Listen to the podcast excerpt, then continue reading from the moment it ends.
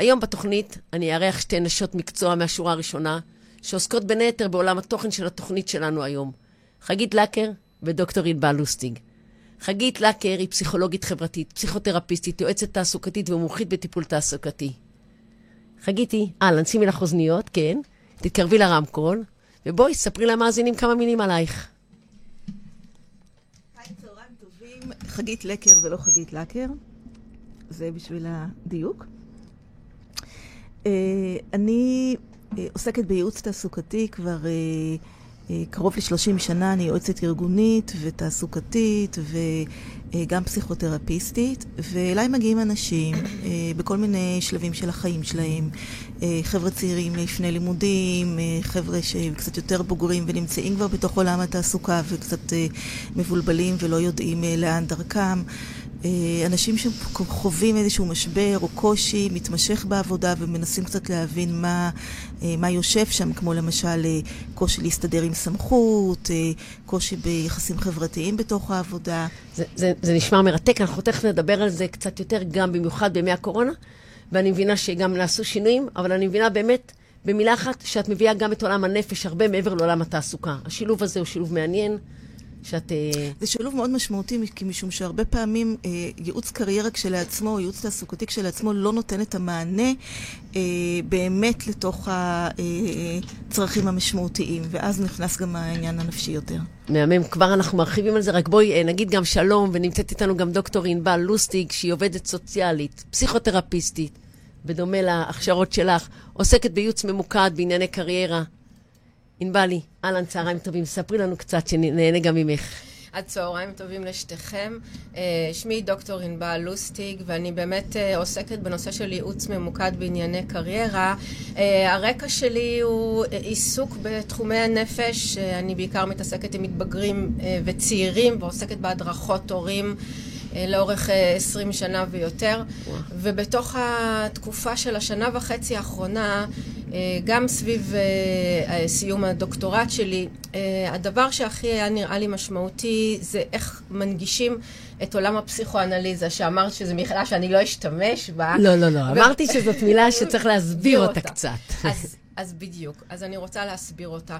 הפסיכואנליזה מציעה איזשהו מגע אה, עמוק עם הנפש, עם הנפש שלנו, עם מה שקורה, לא רק במה אנחנו עושים, או למה אני... אה, יותר הסבר של למה אני פועל, למה אני בוחר לפעול באופן שבו אני פועל, גם בתוך מערכות יחסים, גם בתוך עבודה.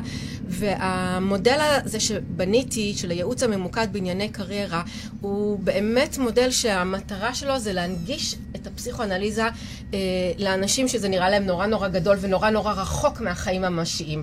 זאת אומרת שאם אתה נתקל באיזושהי אה, סוגיה בענייני קריירה, שאתה לא מצליח אה, להתמודד איתה ואתה לא מצליח לפתור אותה דרך שיחות עם חברים או בכל האמצעים שנמצאים בידיים שלך, המודל שלי מציע בפגישות, מספר פגישות מצומצם, בין אחת לעד חמש פגישות, פתרון מאוד מאוד ממוקד אה, מדהים. לבעיה. מדהים, ואנחנו מדברים על פסיכולוניזם, אנחנו כבר נדבר באמת על, על היכולת שלכם להביא את עולם הטיפול לתוך עולם העסקי, שזה על פניו נשמע קצוות, אבל אנחנו רגע נבין, רגע לפני שאנחנו אה, אה, מתחילים להתקדם יותר, אה, ונדבר על שוק התעסוקה, דווקא עכשיו, בעידן הקורונה, או בתקווה שאחרי עידן הקורונה, מאז שהתחלנו את החיסונים, אה, למה אנחנו צריכים להיערך, אילו משרות ייעלמו, אילו משרות חדשות יצוצו, ננסה לדבר על מה המומחיות התעסוקה שלנו, מה, מה אתן המומחיות ממליצות לסטודנטים ללמוד, לקחו להם את הנסיעה לחו"ל.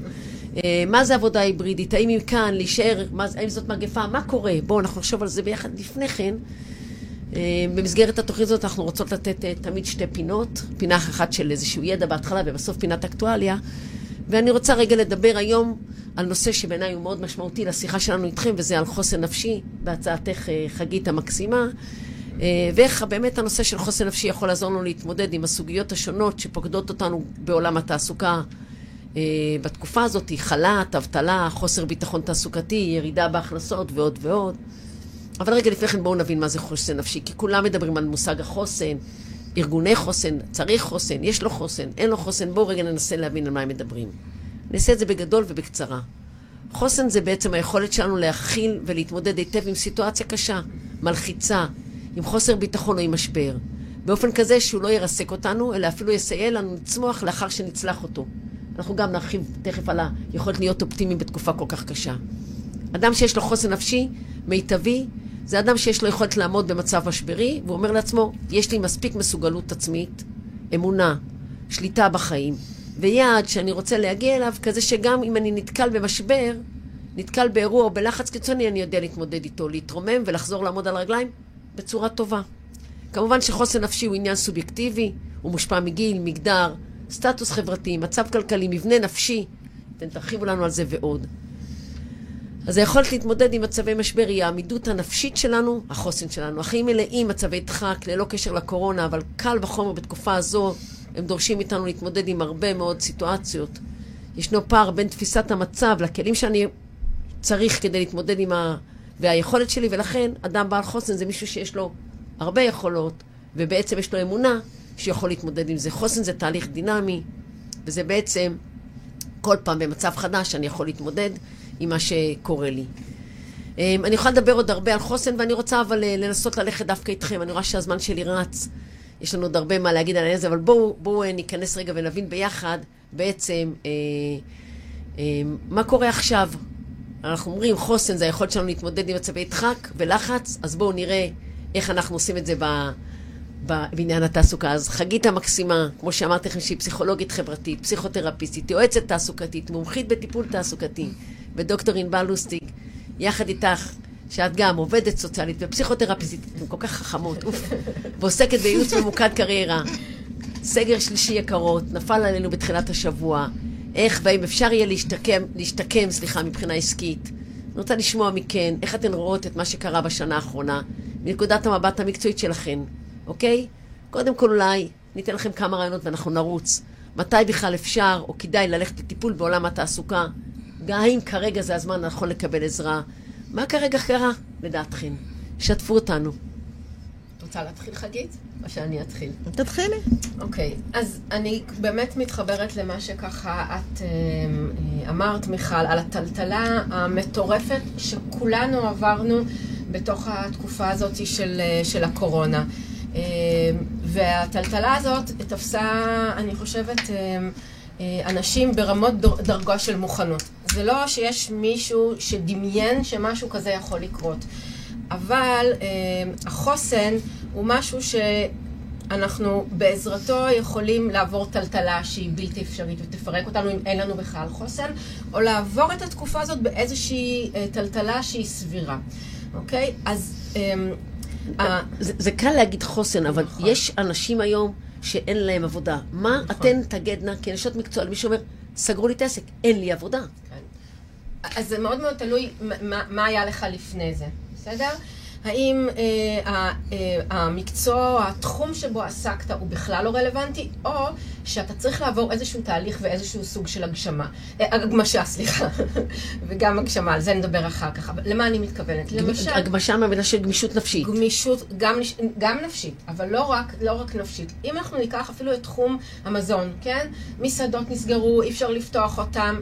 אם אתה לא יודע להציע דברים שהם רלוונטיים לתקופה הזאת, אפילו כמו מקומות רבים, נגיד בעיר תל אביב שבה אנחנו נמצאים היום, שפתחו את הנושא הזה של סלי פיקניק, שאנשים יכולים לבוא ולקחת מהם סל פיקניק ולמצוא מקום בקרבה יחסית גדולה או קטנה מתוך העסק, שבה הם יכולים ללכת ולשבת בטבע עם, עם, אה, עם המוצרים אה, שהבית קפה הזה או המסעדה הציעה. אני לוקחת את זה ממש כדוגמה קטנה לאפשרות בתוך התקופה הזאת, ש...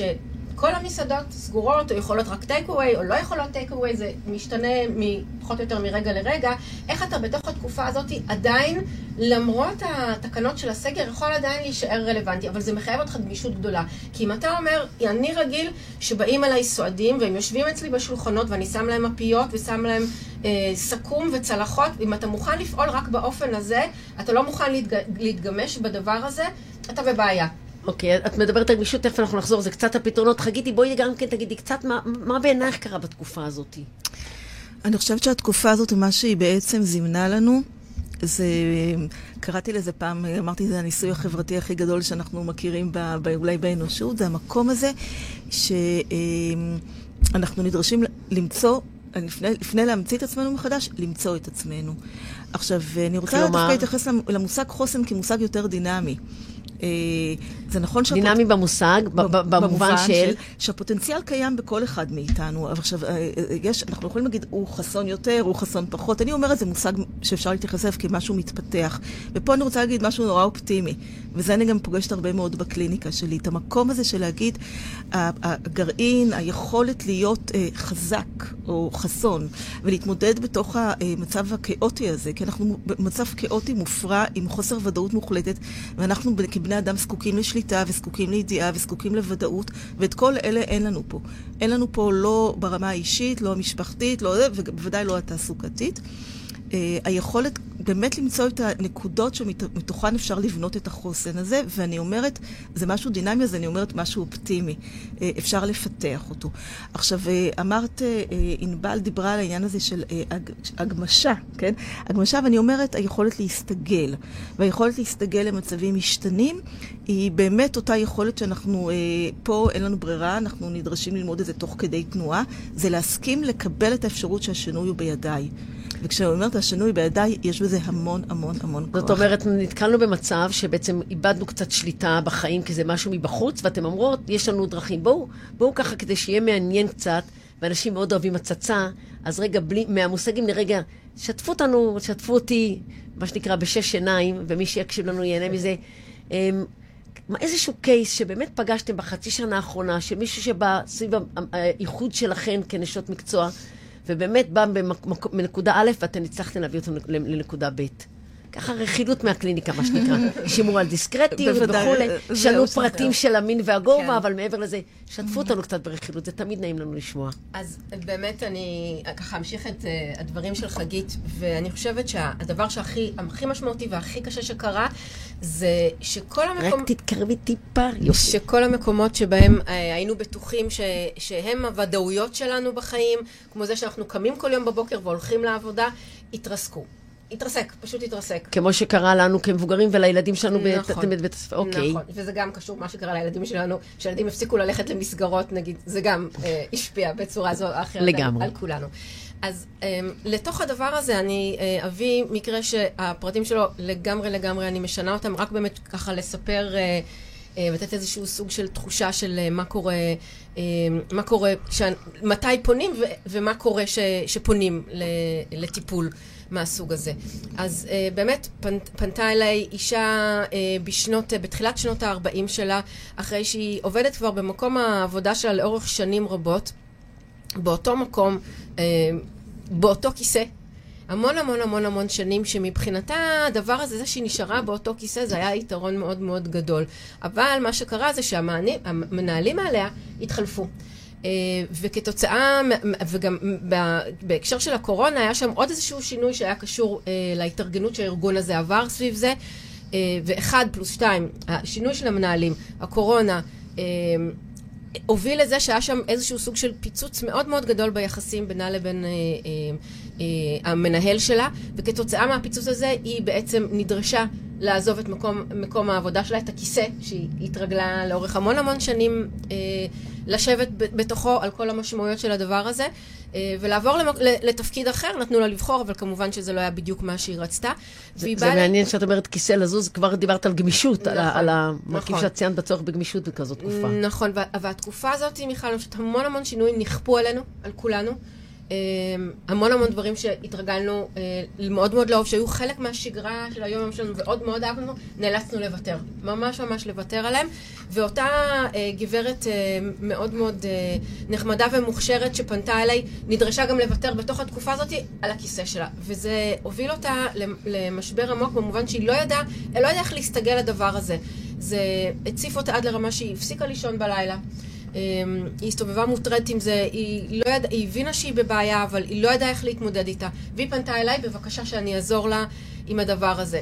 ובאמת עשינו סביב תהליך... אז רגע, רגע, שאלה לי אלייך. כן. כשהיא באה אלייך, ישבת על כיסא המטפלת, או על כיסא של מישהי שעוסקת בתחום העסקי, או שעשית איזה קומבינציה בזכות היכולות שלך? עשית קומבינציה. אוקיי, אז, אז ה... תגידי לנו קצת מה עשית שם. אז זהו, אז באמת מה שקרה שם, זה בניגוד לטיפול דינמי שבו בן אדם בא ופורס את כל חייו, אמ, ומתוך זה לאט לאט בצורה איטית בודקים באמת מה הדבר המשמעותי ומה כרגע מטריד, וחושבים איך עובדים פנימה, אה, ומה מה, מה נכון נכון לעשות, שם אנחנו באמת באמת התרכזנו רק בסוגיה הזאת. עזבנו את החיים האישיים, עזבנו את היחסים אה, עם הבן זוג, את היחסים עם הילדים, עזבנו ממש ממש ממש הכל. לא התעסקנו עם זה, ועסקנו רק בסוגיה הזאת שאיתה היא באה, שזה היה הנושא של התחושה של העוול המאוד גדול שנעשה לה סביב זה שהיא נדרשה לעזוב את הכיסא. אמ, מה שהבנו, אה, שמה שהיא תפסה כיתרון, שההיצמדות לכיסא הזה, בארגון שבו היא עבדה, היה, לא רק שלא היה יתרון, היה גם חיסרון מאוד מאוד גדול. כי בארגון שבו היא, האישה הזאת עבדה, אנשים אה, מצופים לזוז מתפקיד לתפקיד לתפקיד לתפקיד, גם, אה, אה, גם בתוך המקום העבודה, ואם, בין מקומות עבודה, והיא לא עשתה שום דבר מהדבר הזה. מה, כלומר, מה שמבחינתה נתפס כיתרון מאוד גדול, מבחינת המערכת היה חיסרון מאוד גדול, והפך אותה, אה, הזמין איזושהי נקודת חולשה מאוד מאוד מאוד מאוד גדולה. שזה נורא מעניין. אנחנו תכף נרחיב על זה, אבל השינוי בדרך שבה עזרת לה להסתכל, זה הפך, בעצם מבחינתה הקורונה נתנה לה בעיטה ואילצה אותה נכון, להשתפר. נכון. וזה, אני חושבת, אחד הדברים שבטוח, אני בטוחה שחגית תסכים איתי. תכף חגית תשתף אותנו גם. מדהים. שהקורונה נתנה בעיטה תחת לכולנו. תקשיב, אני, אני רוצה לשמוע גם את חגית, אני רוצה להגיד רגע לפני כן, אני באמת לא רוצה שנעביר פה לאנשים הרגשה שבואנה הקורונה באה וזה מצוין, אנחנו נדבר לא. גם קצת על הדרק שזה הביא לנו לחיים. טוב? חגית, תשתפי אותנו גם, יקרה, ב... באמת רכילות ככה עסיסית ומעניינת. אה. לא, אנחנו לא נקרא לזה רכילות, כי המילה רכילות כשלעצמה לא מתחברת. נכון, לא, לא בעולם הפסיכולוגיה. אני, כן. אמ, אני רוצה להגיד, אה, אה, אני דווקא באמת לדבר על ההזדמנות. טוב, ככה נתחיל אולי באמת במקרה. הסיפור הוא סיפור של מנהל בחברה. עם צוות, עם עובדים, והוא מאוד אוהב את התפקיד הניהולי שלו, והקורונה יצרה איזה שהם תנאים חדשים שעשו שם איזשהו רה-ארגון כתוצאה מאיזה שהם מהלכים עסקיים, ולקחו לו את הצוות שלו. והוא עכשיו נשאר בלי צוות. הוא נשאר בעצם בתפקיד אה, בלי, בלי, בלי עובדים, וקצת שינו לו את התפקיד, ועל זה הוא בא עם אה, עלבון מאוד מאוד צורב.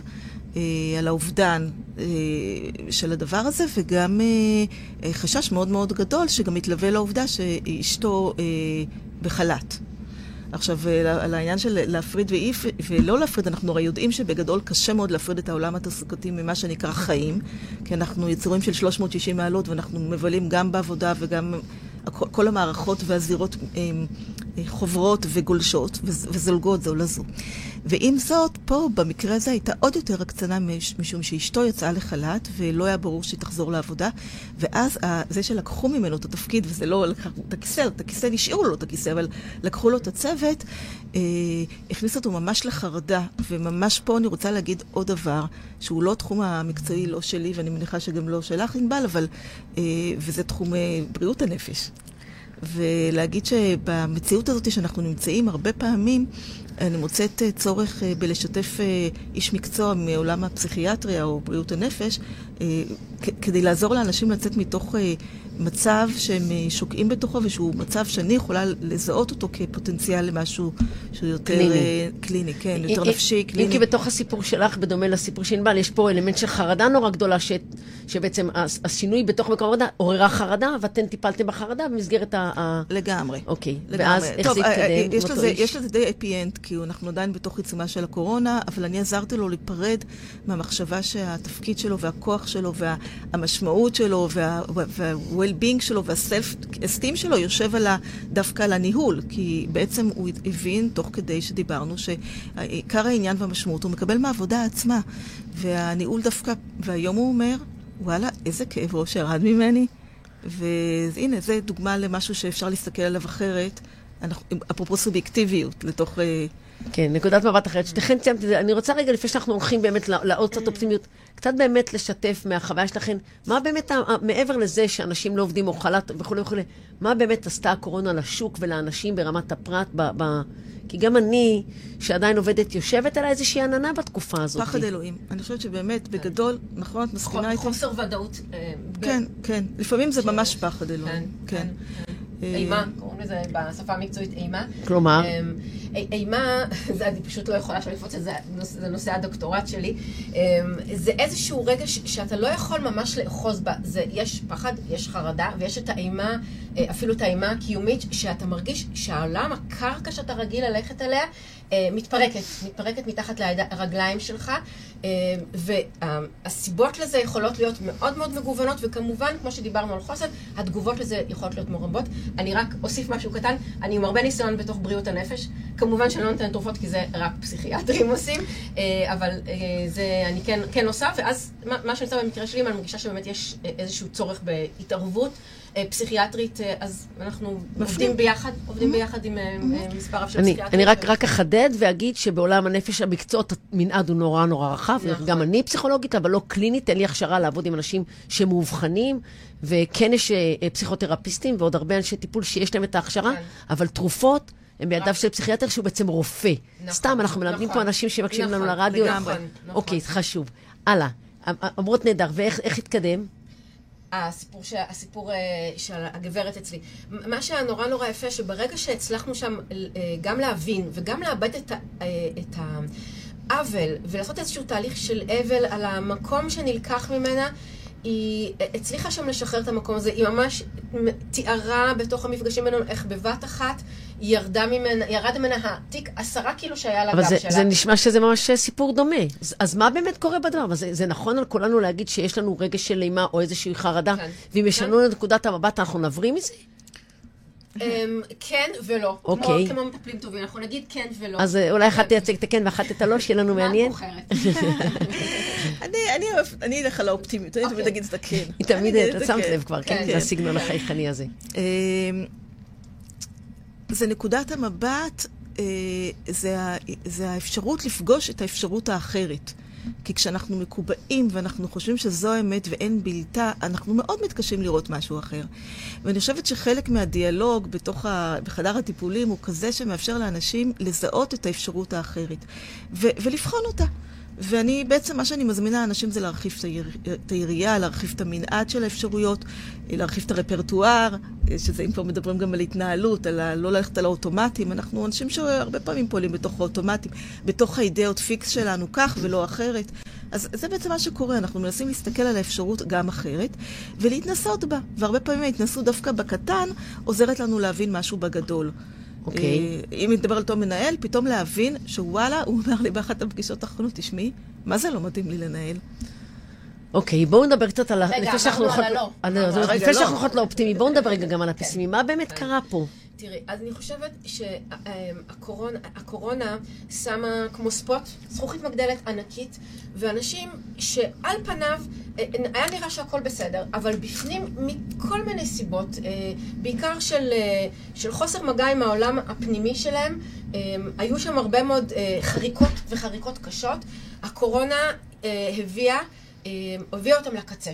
בסדר? עכשיו, אה, בגדול, בגדול, בגדול, לכל אחד יש איזשהו סוג של קצה, וככל שאתה פחות במגע עם העולם הפנימי שלך, הסיכוי שהשפשוף הזה יפגוש אותך, הוא גדל. זאת אומרת, שבן אדם, גם אם בן אדם שחווה הצלחה כלכלית מאוד מאוד מאוד גדולה, והיו לו כלפי חוץ המון המון דברים שהוא היה יכול להגיד, הנה, יש לי, יש לי בית, יש לי משפחה, יש לי, יש לי ויש לי ויש לי, יש לי, אה, בבת אחת הקורונה שמה ספוט מאוד מאוד גדול, ויכול להיות שאותם משענות או אה, דברים חיצוניים שהוא נשען עליהם, בבת אחת יתפרקו. Okay. אוקיי. ואז, וככל שאדם יותר נשען על הדברים החיצוניים, הסיכוי שקורונה אה, תגרום לחוויה של אימה קיום, שאני אמרתי, או קריסה נגיד בלשון העם, הוא יותר גדול.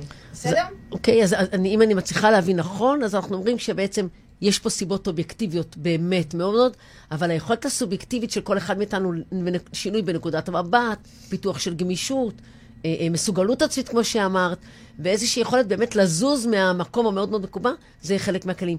בואו בוא קצת ניתן לאנשים אה, ככה, ננסה למרכז ולתת להם ככה קצת טיפים. איך להיערך ליום שאחרי הקורונה, בתקווה שעם החיסונים האלה, ולשמחתי רבה, אני חוסנתי טבעית בעקבות היותי חולה. איך אנחנו יכולים לתת למי שנמצא בחל"ת ורוצה לחשב מסלול מחדש, מי שמאוים במקום עבודה וכולי, בואו קצת ניתן להם כל אחת שלושה טיפים, אם יש לכם גם יותר, אני אשמח למקד את זה, מה אנחנו יכולים לעזור להם. אני אולי אתחיל ואגיד שכולם, אחת המחלות שאנחנו כרגע אה, עדים לה כולנו זה, ואני אומרת מחלות למרות שזה גם ברכה, זה עובדה שביטוח לאומי משלם דמי אבטלה אה, עד, ה-20, עד, עד יוני, נכון? יוני 21. תיאורטית. אה, תיאורטית. עכשיו, הרבה אנשים, אין להם כרגע את האינסנטיב לחפש עבודה, כי הם אה, נהנים מדמי אבטלה, וגם נכנסים לתוך איזושהי סוג של סטגנציה, שהיא בעיניי הדבר הכי מסוכן בתוך התקופה הזאת. אה, א', משום שביוני מדהים. 21... מה? אמרתי, זה מדהים מה שאת אומרת, בעצם, איך אנחנו מתרגלים לעשות כלום, וכמעט מתחילים, אה, אנחנו שמים לב שאנחנו שוקעים. זה שקיעה- זה כמעט מתחילים ליהנות מוחלטת. מזה, זאת שקיעה טוטאלית. זה כן. שקיעה, ליהנות, וגם הדיכאון כבר, זה מה שנקרא, הופך להיות נוח. מתיידדים איתו. אה, הופך להיות משהו נוח כזה. אה, אז אה, שתי המלצות ברורות יש לי, ואני אומרת את זה לכל מי שנמצא עכשיו בחל"ת, או, או לא עובד, או נהנה מדמי אבטלה, קל וחומר, אה, לא לחכות ליוני 21. ממש לא לחכות לשם, כי אז תהיה הצפה. עכשיו, אני רוצה פה להגיד משהו גם מהצד של המעסיקים היום, ומהצד של שוק התעסוקה. אה, אומרים קורונה ומובטלים, ואנחנו כל הזמן אה, אה, אה, עדים למספרים שככה אה, מפרסמים לנו בכל מקום, אבל אני רוצה להגיד, ארגונים ממשיכים לעבוד, וממשיכה קליטה בארגונים, וממשיכים גיוסים בארגונים. ואני אני, אני רואה את זה, אני בעצמי מעורבת בכמה גיוסים. אני אומרת, יש גיוסים בתוך... יש היום... עדיין יש דרישה ויש גיוסים, ו, ועדיין עובדים גם... מנהלים או עובדים, במיוחד בהייטק, מתפטרים מרצונם כדי לחפש משהו אחר. כלומר, זה לא כל העולם כרגע נמצא בשקיעה הזאת. לא רק זה, גם אמרת, אמרת משפט חבוי מהמם בתוך הסיפור הזה. אמרת, אנשים, אנחנו לא הולכים לעבוד רק בשביל כסף. אנחנו הולכים לעבוד בשביל משמעות, בשביל לקום בבוקר, בשביל עניין. בוודאי. אז קיבלתם כסף, בגלל זה תשבו בבית. אז הטיפ אחד מאוד חשוב לך זה אל תחכו אל, לא שיגמר לחל"ת, אז- תתחילו. כי אז גם תהיה הצפה בשוק העבודה, כי אז גם כל אותם מאות אלפי מובטלים יעוטו על משרות, וגם אם היום יש אה, ביקוש, אה, היצע גדול לעומת הביקוש, אז זה, זה רק אה, ההפך, זה רק אה, ילך ויגדל, זה אחד. אה, ושתיים, אני, זה אני אומרת גם בעיתות לא קורונאיות. אה, לחפש עבודה זה עבודה. ויש הבדל בין לקום בבוקר, להישאר בפיג'מה ולהתחיל לדפדף ככה בתוך האינטרנט, בזה, ובין לראות את זה כממש משימה שקמים אליה ומגויסים אליה ועובדים בה ומוצאים. חגיתי, אני אזמין. אותך בשיחה בתוכנית על זוגיות, כן? כן. אוקיי, שזה עבודה. אוקיי, אז את אומרת, חבר'ה, תתחילו להתייחס לחיפוש עבודה בצורה רצינית. זה לא ייפול לכם, אף אחד לא ירים לכם טלפון למשרד חייכם. להיות פרואקטיביים. להיות פרואקטיביים. להיות פרואקטיביים זה ממש לפעול. נכון, מהמם. אני רוצה קצת אה, כן. אה, אה, להגיד ככה משהו מזווית אחרת. את אמרת שאנחנו מחכים לעוד- לעידן שאחרי הקורונה בזכות החיסונים. אני אומרת, חלק מהשינויים, מיכל, שקרו בגלל הקורונה, כבר לא יחזרו, וגם לחכות למשהו, ל- למשהו שיקרה בעתיד, שאנחנו בגדול לא יכולים ממש להשפיע עליו, זה עמדה פנימית רעה. ממש ממש רעה, כי היא עמדה שמשאירה אותנו מאוד מאוד פסיביים, ואומרים, טוב, טוב, בואו נחכה עד שכבר יהיו, לכולנו יהיו חיסונים, או שזה קורונה תיעלם, או ש... אה, זה, זה עמדה פנימית לא נכונה להסתכל על הדבר הזה. חלק מהשינויים שהעולם כולו עובר, וגם העולם התעסוקה בתוכו, הם בלתי הפיכים. הם בלתי הפיכים. אפילו ניקח את זה, אה, שהיינו רגילים כל יום לנסוע לעבודה, חלק גדול, בטח בתוך עולם ההייטק, היום כבר לא, כבר לא יחזור למשרדים. כבר לא שוכרים מחדש משרד, מחכים רק שהחוזה יגיע לתום, וגמרנו. יתחילו לעבוד מהבית ויהיו כל מיני סידורים אחרים. אז לחכות לעידן, ממש לא לחכות. מה כן לעשות? אמ, זה נורא נורא תלוי מה, מה העמדה שלך בתוך הדבר הזה. אה, חלק מה... גם, יש אנשים שגם לא פוטרו, או לא הוצאו, או יצאו לחל"ת וכן יחזרו. אני אומרת, קודם כל, התקופה הזאת, כמו שחגית אמרה קודם, מזמינה מחדש מבט מאוד מאוד מדויק. מה מתאים לך? מה חיפשת? מה באמת באמת רצית? האם נקלעת למקום העבודה שלך במקרה? כי היית אחרי העבודה ואמרת, צריך למצוא מהר מהר מקום שיתאים לי, ובעצם אתה מבין היום שזה לא עד הסוף מתאים לך, שזה לא עד הסוף נכון לך, שיש משהו שאתה הרבה יותר רוצה לעשות מהדבר הזה, להתחיל איזשהו תהליך פנימי. הרבה מאוד פעמים צריך בשלב הזה איש מקצוע שיעזור לך בתוך הדבר הזה, אבל להתחיל לדייק עוד ועוד ועוד, כי הקורונה מזמינה את כולנו לאיזשהו דיוק ז- נורא נורא זאת. אומרת ש- שאת אומרת מה שנורא חשוב גם, אנשים, זה הזמן לקבל עצה או ללכת לייעוץ לאיש מקצוע, נכון. ממוקד, ענייני. תגידו לנו על זה קצת. אני אגיד שאנחנו הרבה פעמים, כשאמרתי מקודם פועלים מתוך האוטומט, אז אנחנו גם מסתגלים לתוך איזשהו מקצוע או תפק... משהו שרכשנו אותו פעם, ועכשיו איכשהו הקורונה עזרה לנו לטרוף את הקלפים ולשאול את השאלות הבסיסיות, המהותיות, הכי עמוקות. מי אני, מה אני, מה אני אוהב, אומרת- מה, מה רציתי, מה חלמתי ולא עשיתי עד היום. מעבר לגמישות והכל, גם אותנטיות. אתן מדברות פה המון על להיות אדם אותנטי, ששואל שאלות קשות ומוכן ללכת עם עם האמת שלו. ולהתחבר גם לדברים האלה, וגם להתחבר לדברים... בתוך תקופה כל כך קשה, מי רוצה להתחבר? ואני רוצה להגיד שדווקא אה, יש אנשים שכן לקחו, ואני כן מכירה דוגמאות כאלה, של אנשים שכן הסכימו לעשות משהו היום אחר ממה שהם עשו עד היום, ופייר, הם נהנים מזה. הם גם אפילו אומרים, וואלה, יש לי פה כרגע... אז זה דבר אחד. הדבר השני שאני רוצה להגיד, שהוא גם קשור ל...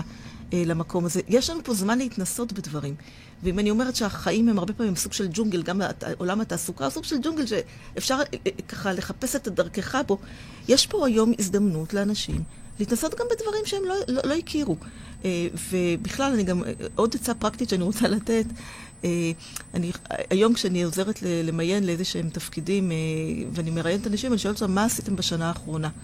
אותי מאוד מעניין לשמוע איך אנשים לקחו את השנה הזאת ומינפו אותה למשהו שקשור לפיתוח האישי או המקצועי שלהם. אם מישהו יגיד לי, רק שכבתי על הספה וצפיתי בסדרות, זה אחר ממישהו שיגיד לי, תקשיבי, למדתי ספרדית, התחלתי לרכוב על סוסים, התחלתי, ומלמד אותי משהו לגבי ה... הדחף הזה שלו להתפתח, אני חושבת שהוא מאוד משמעותי בתקופה הזאת. זאת אומרת, אמנם 2020 הייתה שנה קשה, אבל לקראת היציאה ל-2021, גם ממנה אנחנו יכולים ללמוד. אנחנו צריכות כי לקראת הסיום, וצריכים עוד להשמיע שיר ועוד איזה מושג שאני רוצה לתת. תנו לי טיפ. יאללה, יש לי שניים. יאללה. אחד, את מאוד תאהבי את זה, מיכל. יאללה, אני מחזיקה ידיים. אני, אני לוקחת הכל דרך אגב על עצמי, אני כמעט מחליפה מקצוע. קודם כל, ספורט. די, נו, די. לא, לא, אבל אין ברירה, כי גם יגידו כל מי שאנשים שהם מכירים בתחום מבחינה גופנית, ברגע שהסרוטונין עולה וספורט עושה את זה בילד אין, אתה לא צריך לקום במצב רוח טוב. אם אתה מתחיל לעשות איזשהו סוג של פעילות גופנית בצורה קבועה, רוטינית, וזה תכף יהיה גם הטיפ השנית, הסרוטונין עולה, המצב רוח שלך משתפר, הסיכוי שבו תעשה, תתחיל לפעול בשביל למצוא דברים שיותר מתאימים לך, או לצאת מתוך המצב המשברי שלך, הולך וגדל. אז אני רק אגיד משפט אחד, מחבר למה שאתה אמרת מקודם. אנחנו גם כבר לא הולכים לעבודה. אם כבר בבוקר נכנסנו לאוטו ונסענו ויצאנו מאוטו ועלינו במדרגות ונכנסנו למשרד של מישהו וגנבנו אלף, אלפיים צעדים, גם את זה לקחו לנו. אז זאת אומרת, קל וחומר, קומו תתחיל להיות פעילים. וטיפ שני? וטיפ שגרה. שגרה זה רע? שגר, שגרה זה קודם כל, הנפש האנושית זקוקה לשגרה שלה. הנה היא באה הקורונה וסיפרה בצורה מאוד מאוד זה, מה קורה שהשגרה נלקחת מאיתנו, כמה זה רע. אז גם אם אתם בחל"ת, גם אם לקחו מכם את העבודה, גם אם אתם עובדים בפיג'מה מהבית, תתחילו לבנות מחדש את השגרה הזאת שלכם, כי אחרת החוויה הזאת הפנימית של התפרקות היא כמעט... כמעט כמעט בלתי נסבלת. קומו עם שעון בבקשה, חוץ משבת. כן. ועוד דבר נוסף שחשוב לי להגיד, אני, זה מאוד מאוד חשוב לי לדייק את זה, אני עושה עבודה, מיכל, גם עם אנשים פרטיים וגם דרך חברות. זאת אומרת, חברות יכולות לפנות אליי ולהגיד לו, להגיד, יש לנו אה, סך של אנשים שזקוקים לסיוע, שאנחנו רוצים לקנות פול של שעות, גם את הדבר הזה אני עושה, כי אני חושבת שיש שם הרבה מאוד חברות שהוציאו לחל"ת או לא הוציאו לחל"ת, או עובדים באופן אחר, והמנהלים שם, או כל מיני דרגים, דרגים ביניים, מרגישים שהעובדים שלהם מאבדים קצת כיוון, או שהם בעצמם מאבדים כיוון. יתרה מזאת, אני חושבת שאם חברה תזכור השירות של כל אחת מכן, שתשב להם בחברה כמה שעות בשבוע, התפוקה של העובדים שלהם כל כך תגדל, ויגידו, איפה היינו עד היום. לגמרי. את מהממת. חגיתי איזה... אני אגיד גם שני טיפים. טיפים לפני שאנחנו... כן, טיפ אחד הוא התנדבות. אני רוצה להגיד משהו על התנדבות בקהילה, בכלל התנדבות. אם דיברנו על תחושה של משמעות וערך, דווקא היעדר עשייה והיעדר עבודה, ועבודה ממלאת כל כך הרבה תחושה של ערך ומשמעות, יש דרך לשכפל או, או לעשות גם משהו טוב לאחרים. אני מאוד מאמינה, ואני גם יודעת להגיד את זה באופן אישי, כי אני גם עוסקת בהתנדבות, שכשיש משהו בהתנדבות שממלא את הנפש. נתינה. ונותן גם תחושה של קומפיטנטיות וערך. אז אני מדהים. גם רוצה להגיד שלפעמים כשגם מגיעים אליהם מטופלים שלא יכולים לשלם, אני, הם משלמים בהתנדבות לקהילה. וזה השכר שאני גובה מהם. כן, כן, על השעה שלי, אתה תחזיר חזרה החוצה. והם צריכים לדווח לי, ובתוך כל פגישה הם צריכים לדווח לי על הפגישה שהם, על מה הם עשו בקהילה. נתינה. זה דבר אחד. ודבר שני שאני רוצה להגיד, זה העניין של אם לצאת, אני מאוד, אני גם חושבת שפעילות ספורטיבית, אבל גם לקחת חיית מחמד ולהכריח את עצמך לצאת איתה עם כלב לטייל זה גם דבר נוסף. אני רוצה להגיד שבאמת פנית לחברות ואני גם מפנים אליי, מפנות אליי חברות עובדים שלהם, ואני מגלה שזה עצם הידיעה שיש לעובד בתוך חברה כתובת, שהוא יכול, ולפעמים אפילו לא, לא מנצל שעה שלמה, הוא גם יכול רבע שעה להתקשר אליי ולקבל ממני איזשהו... אוויר. כן, אז יש לי עוד uh, את הטיפ האחרון שהוא קשור דווקא לזוגיות ולמשפחה, ואני כן רוצה לחבר, לחבר את, את זה לשם.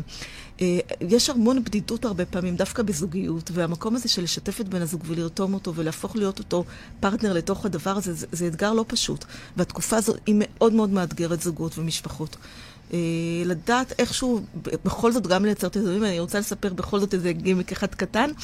אה, יש לי אה, מטופל שמספר, איש שעובד 24-7 כמובן, ב- בימי שגרה, וסיפר לי שבתקופת הסגר הוא פתאום הכיר כל מיני פינות חמד ליד בית מגוריו, שהוא בכלל לא ידע שיש חורשה, שפתאום הוא גילה אותו, הוא גם גילה את הילדים שלו אגב באותה הזדמנות.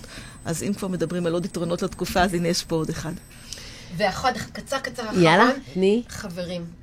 תיפגשו עם חברים, לא משנה. אפילו בחוץ. אפ, אפילו בחוץ, אפילו אם אין ברירה בזום, בשיחות טלפוניות, כל דבר שהוא, אל תתבודדו בבית. התבודדות בבית מובילה לדיכאון וחולשה. קודם כל, אני חברה שלכן, ואני אדבר איתכן הרבה בזום וכולי. אתן מהממות, אני ספיצ'לס, אני נאלצת לחתוך ואני רוצה עוד, אבל בסוף השידור נשאר ונמשיך לקשקש טוב. ברור. אז אנחנו, אה, אה, כמובן, אה, רק יכולה להודות על שיחה מרתקת, ורגע לפני שאנחנו נקשיב לשיר סיום שלנו, אני הייתי רוצה לסיים את השידור היום עם התייחסות לאקטואליה מהימים האחרונים. אמרתי בהתחלה שלנו כל תוכנית שתי פינות, אחת ידע, כמו שהיום דיברנו על חוסן, וקצת פינת אקטואליה. אה, לדבר על משהו. אז אני רוצה לדבר על מה שקורה עכשיו אה, אה, מבחינת תושבי הארץ סביב הסגר השלישי הנוכחי. המשפט, זהו, נמאס לנו, זה קול שנשמע מכיוונים שונים. בעלי עסקים, הורים לילדים, בני נוער ואפילו ילדים צעירים. התחושה שאנחנו חיים בה של כאוס, חוסר תקווה, אי-ודאות ואף ייאוש קשה, הביאה אנשים רבים להחליט שהם לא לוקחים חלק בסגר השלישי, שהחל בתחילת השבוע. דרך אגב, גם לכאן שמתי ווייז, ביררתי אם זה בעצם ייקח לי ארבע דקות מהבית או חצי שעה, כמו ביום שיש בו אה, תנועה. הרבה מאוד תופעות שאנחנו פוגשים יכולות להיות מוסברות על ידי המצב, על ידי תכונה של האדם או על ידי שילוב של השניים. כדי להבין את הרעיון אני אתן איזושהי דוגמה. יש מצבים שהם מצבים יותר מפחידים. לדוגמה, הליכה בל... ב... בלילה לבד בתוך יער חשוך. זה מצב שמעורר פחד ללא קשר לאישיות האדם. יש אנשים שהם יותר חרדתיים. הם יתנהגו באופן הימנותי בהרבה מצבים שאנשים שאינם חרדתיים לא ינהגו בהם כך. הם יביעו פחד רב יותר בחיים. ויש את השילוב, כשתכונה ומצב נפגשים, לדוגמה הקורונה. אי הוודאות סביב המחלה, הפגיעה בתעסוקה, המגבלות, ההנחיות, מעוררות אצל כל האנשים תחושת אי נוחות ובהלה. נצרף לזה אנשים שהם יותר חרדתיים, והיפוכונדרים, אצלם ההתנהגות סביב הקורונה תהיה יותר נמנעת, יסתגרו יותר, וכנראה שלא ילכו למסיבות טבע. מעניין לחשוב מה עומד בבסיס הבחירה של אנשים רבים לא לקבל את ההוראות ולא לשמור עליהן כרגע בסגר השלישי. נראה שבסיטואציה הנוכחית מדובר על שילוב בין מצב לתכונה. המצב הכללי שנוצר הוא לא להקשיב להוראות, וזה משתלב עם תכונות של אנשים שמרגישים מספיק ביטחון עצמי, אנשים יותר מורדים, ושאינם מוכנים לקבל עליהם את הדין. נקווה שזה יהיה הסגר האחרון, ובתוכנית הבאה אוכל לדבר באקטואליה על חזרה לשגרה. זהו, באווירה אופטימית זו הסתיימה התוכנית הראשונה. מקווה שנהנתם, מוזמנים לעקוב אחרי סמבדי בפייסבוק ובאינסטגרם. הורידו את האפליקציה של הרדיו החברתי הראשון הנייד שלכם. שם תוכלו להאזין לנו 24 שעות ולקבל עדכונים. מוזמנים לעשות לייק לדף הפייסבוק של הרדיו החברתי הראשון, וכמובן לסמבדי. אני מיכל יערון, אהיה כאן ביום רביעי בעוד שבועיים, ב-30 לחודש, בשעה אחת. תודה שהאזנתם, להתראות.